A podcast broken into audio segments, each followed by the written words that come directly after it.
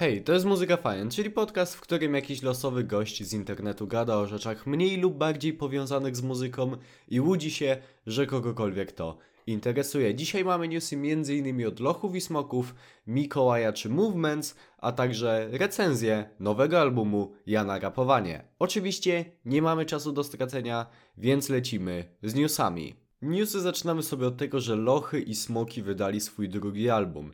Album nazywa się Mogłem zostać w domu i grać w gry i jest naprawdę bardzo solidny. Nie ma chyba obecnie w Polsce lepszego reprezentanta surowego, mocnego emo grania, podobnego brzmieniowo do wczesnego Title Fight.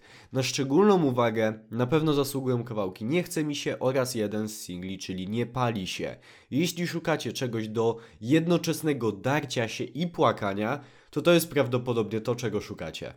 Mick O.Y. wrócił z nowym albumem po ponad dwuletniej przerwie i szczerze mówiąc, trochę jestem rozczarowany. Przede wszystkim dlatego, że dostaliśmy album, który nie ma nawet pół godziny i w dodatku większość utworów brzmi jakby zostało zrobione w jakieś 10 minut. I to naprawdę frustrujące, bo kiedy ta płyta jest dobra, to jest naprawdę bardzo dobra. Pierwszy singiel, czyli Nocne Niebo, to kapitalny kawałek, a refren z utworu Planety nie może mi od kilku dni wyjść z głowy. Dlatego tym bardziej szkoda, no ale może jeszcze się przekonam do reszty. Kompletnie niespodziewanie wróciło Movements. Panowie podzielili się nowym utworem o nazwie Barbed Wire Body i przy pierwszym przesłuchaniu nie byłem jakoś bardzo przekonany, ale im więcej słucham tego kawałka, tym bardziej zaczyna mi się on podobać. To zdecydowanie radośniejsza strona tego zespołu i naprawdę jest całkiem spoko, a w dodatku dalej mamy zachowany ten emo vibe zespołu.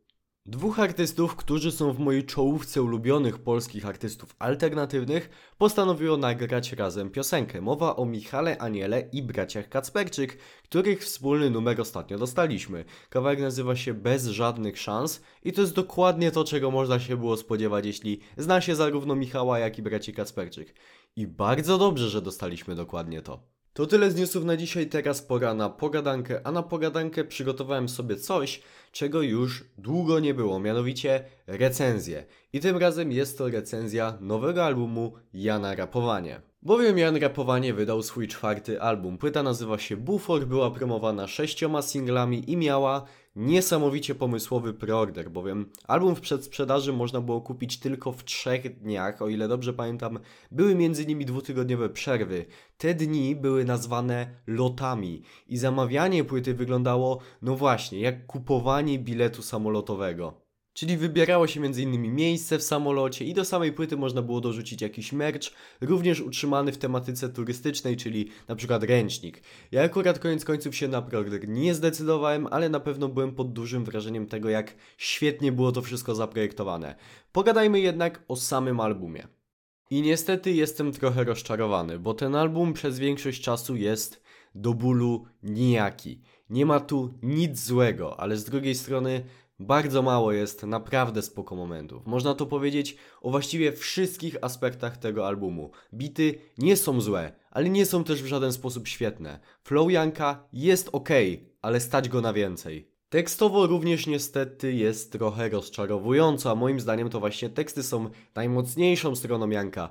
Oczywiście jest tu kilka naprawdę mocnych momentów, chociażby utwór tytułowy jest niesamowicie mocny i tutaj czapki z głów kawałek dzisiaj również jest naprawdę bardzo ładny, ale kurde, trochę tego mało. W większości dobrze wypadły tutaj gościnne udziały, co na pewno cieszy. Przede wszystkim Misia Furtak zapodała bardzo ładny refren na aniołach, ale również chociażby Sokół sprezentował naprawdę bardzo solidną zwrotkę na kluczach do miasta.